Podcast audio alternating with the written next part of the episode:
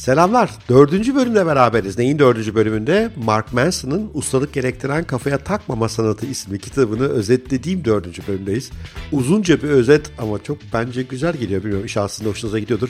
Çok sevdiğim bir kitap bana yön gösteren bir kitap, beni eğlendiren bir kitap. O yüzden doya doya anlatmak istedim.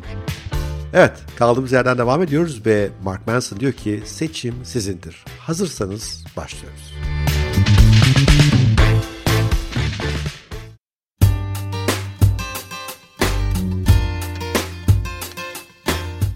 Şimdi sizi varsayımsal bir duruma götürmek istiyorum. Diyelim ki birisi kafanıza silah dayadı ve 42 kilometre 5 saatten az bir sürede koşmanızı yoksa sizi ve tüm ailenizi öldüreceğini söyledi.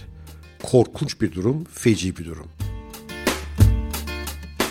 Şimdi ikinci bir durum hayal edelim. Şimdi güzel ayakkabılar ve koşu takımları aldığınızı, ibadet eder gibi aylarca idman yaptığınızı ve bitiş çizgisinde tüm arkadaşlarınız ve aileniz size tezahürat yaparken ilk maratonunuzu koştuğunuzu düşünün.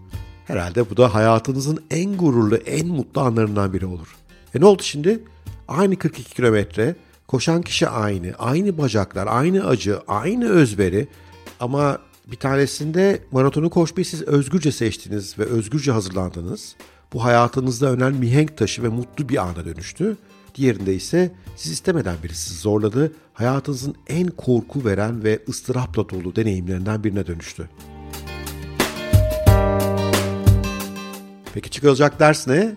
Manson diyor ki bir problemin size ızdırap vermesi veya sizi güçlü kılması, sizi mutlu kılması arasındaki tek fark onu seçip seçmediğimiz, ondan sorumlu olup olmadığımızdır. Eğer bir şeyi biz seçmişsek, sorumlu üstümüze almışsak o bizi güçlendiren bir deneyimdir. Tam tersi yönde ise bizi gayet ıstıraplara sokan bir deneyime dönüşebilir. İçinde bulunduğunuz durumda mutsuzsanız muhtemelen probleminizin bir kısmını kontrolünüz dışında hissetmektesiniz. Yani ortada çözemeyeceğiniz bir sorun var. Sizin kontrolünüzde olmayan, sizin seçiminiz olmayan, omuzlarınıza binmiş bir sorun. Sorunlarımızı seçtiğimizi hissettiğimizde ise güçlenmiş hissederiz.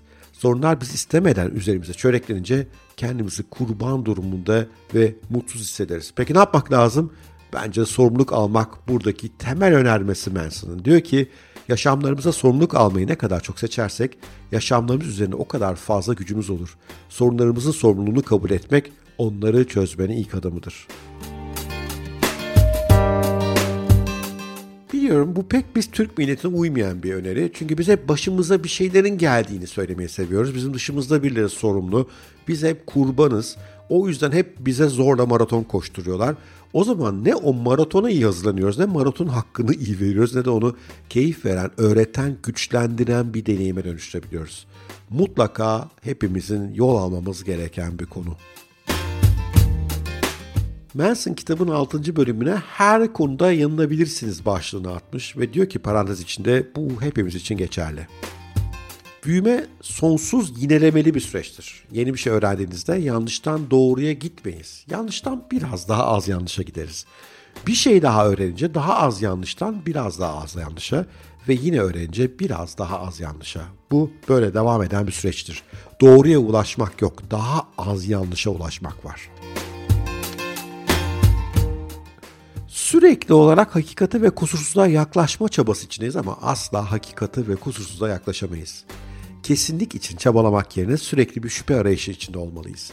Kendi inançlarımızdan şüphe etmeliyiz. Kendi duygularımızdan şüphe etmeliyiz. Oraya çıkıp kendimiz için yaratmadıkça geleceğin bizim için neler sunabileceğinden şüphe etmeliyiz. Her zaman haklı olmak yerine her zaman yanıldığımızın farkında olmalıyız. Çoğu insan hayatları hakkında doğru olmaya o kadar kafaya takmışlardır ki aslında onu hiç yaşamazlar. Yanılma hakkını kendine vermezler herhangi bir, bir gerçek değişim veya büyümenin gerçekleşmesi için yanlış olmaya açık olmak gerekir.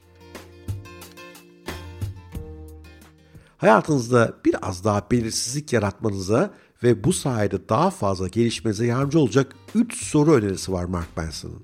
1. Ya yanılıyorsam? 2. Yanılıyorsam bu ne anlama gelir? Ve 3. Yanılmak hem kendim hem başkaları açısından hali hazırdaki sorundan daha mı iyi, daha mı kötü bir sorun yaratır? yanılmayla barışmak muazzam. Ben bazen televizyon programlarını izliyorum. Kimse yanılmıyor arkadaş yani. Herkes mi hep haklı olur? Oysa çok yanılıyoruz. Ben bir yatırımcıyım çok yanılıyorum. Bir iş insanıyım çok yanılıyorum. Geçenlerde bununla ilgili bir itiraf yaptım. Bazıları samimi buldu, sıcak karşıladı. Teşekkür ederiz hocam dediler. Öğrenmenin parçası. Bazıları ise bana neler giydirdi biliyor musun? Ve o günden bugüne yaptığım yeni paylaşımlarda bak sen şurada hata yapmıştın kendini itiraf ettin. Ya arkadaş kendi itiraf etmiş olmam aslında bu bir gelişmenin işareti değil mi? Onu itiraf etmesem, saklasam, gömsem daha mı iyi olurdu? Demek ki farkındayım yanlış yaptığımı. Ondan çıkarttım dersi söylüyorum. Ne yazık ki bu konuda çok gelişimi açık, bazen çocukça davranan bir toplumuz. Sosyal medyada da bu konuda en kötü halimiz ortaya çıkıyor. Her konuda yanılabilirsiniz. Mark Manson bunu söylüyor ve bu hepimiz için geçerli. Kitabın 7. bölümü 6. bölümle çok bağlantılı. Zaten ismi de öyle. Bölüm 7'nin ismi başarısızlık ilerlemektir. Herhangi bir şeyde gelişme binlerce küçük başarısızlığa dayanır ve başarınızın büyüklüğü bir şeyde kaç kez başarısız olduğunuza bağlıdır. Çok güzel değil mi? Gelişme başarısızlıkla oluyor ve başarının büyüklüğü başarısızlık sayınıza bağlı. Birisi bir konuda sizden daha iyi ise o kişi muhtemelen o işte sizden daha fazla başarısız oldu geçmişte. Biri sizden daha kötüyse bunun nedeni muhtemelen onun sizin yaşadığınız tüm acı verici öğrenme deneyimlerini yaşamamış olması.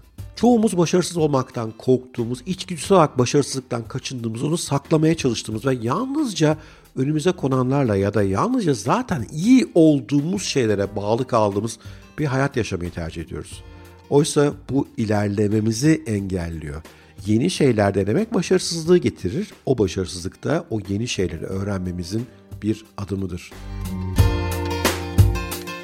Perspektifteki en radikal değişikliklerimiz genellikle en kötü anlarımızın sonunda olur. Büyük bir çöküşün, büyük bir başarısızlığın, büyük bir kaybetmenin sonucunda öğreniriz. Sadece yoğun bir acı hissettiğimizde değerlerimize bakmaya, yeniden bakmaya daha doğrusu ve neden bizi yüzüstü bıraktıklarını sorgulamaya istekli oluruz. Seçtiğiniz acıyı sürdürmeyi öğrenin. Yeni bir değer seçtiğinizde hayatınıza yeni bir acı biçimi eklemiş olursunuz. Tadını çıkarın. Kollarınızı açarak ona hoş geldin deyin. Çünkü siz yeni bir şey öğrenmeye niyetlisiniz. Hayatınızda önemli bir değişiklik yapacak motivasyonunuz yoksa bir şey yapın. Gerçekten herhangi bir şey ve sonra kendinizi motive etmeye başlamanın bir yolu olarak bu eyleme verilen tepkiden yararlanın. Harekete geçin diyor yani. Korkup durmayın başarısızlıktan yoksa öğrenemezsiniz diyor. Bu Türkiye'de çok sık gördüm sonlardan bir tanesi. İnanılmaz bir başarısızlık korkusu var. Ay o ne der, bu ne der ama ne derse der. Başarısız olsanız olur iki gün sonra unutuluyor. Bazen başıma öyle işler geliyor ki özellikle sosyal medyada beni paramparça ediyorlar. Üçüncü gün herkes unutup gidiyor. Ben oradan öğrendiklerimi daha iyi içerik üreten, işini daha doğru yapan bir insana dönüşüyorum. Kazanan benim başarısızlıklarımdan. Evet, bu bölümün de sonuna geldik. Burada kitabın 3 bölümü bir de ele aldık. Yarın son kez Mark Manson'ı konuk edeceğiz kendimize. Onun ustalık gerektiren kafaya takmama sanatı isimli kitabını epeyce detaylı ele almış olacağız. Yani iki bölüm kaldı ama biraz bir genel yorum da yapıyor olacağım. Ve böylece bu haftanın podcast serisini tamamlayacağız. Daha önce söylediğim gibi yorumlarınızı çok merak ediyorum. Aşağıda mail adresim var açıklamalarda bora.özkent.co adresinden bana ulaşıp geri bildirimlerinizi aktarırsanız süper olur. Ayrıca hocam şu kitabı da bir özetleseniz diyeceğiniz kitaplar varsa onları da mutlaka ele almak isterim. Bugünlük bu kadar. Sevgide kalın, hoşça kalın. Görüşmek üzere.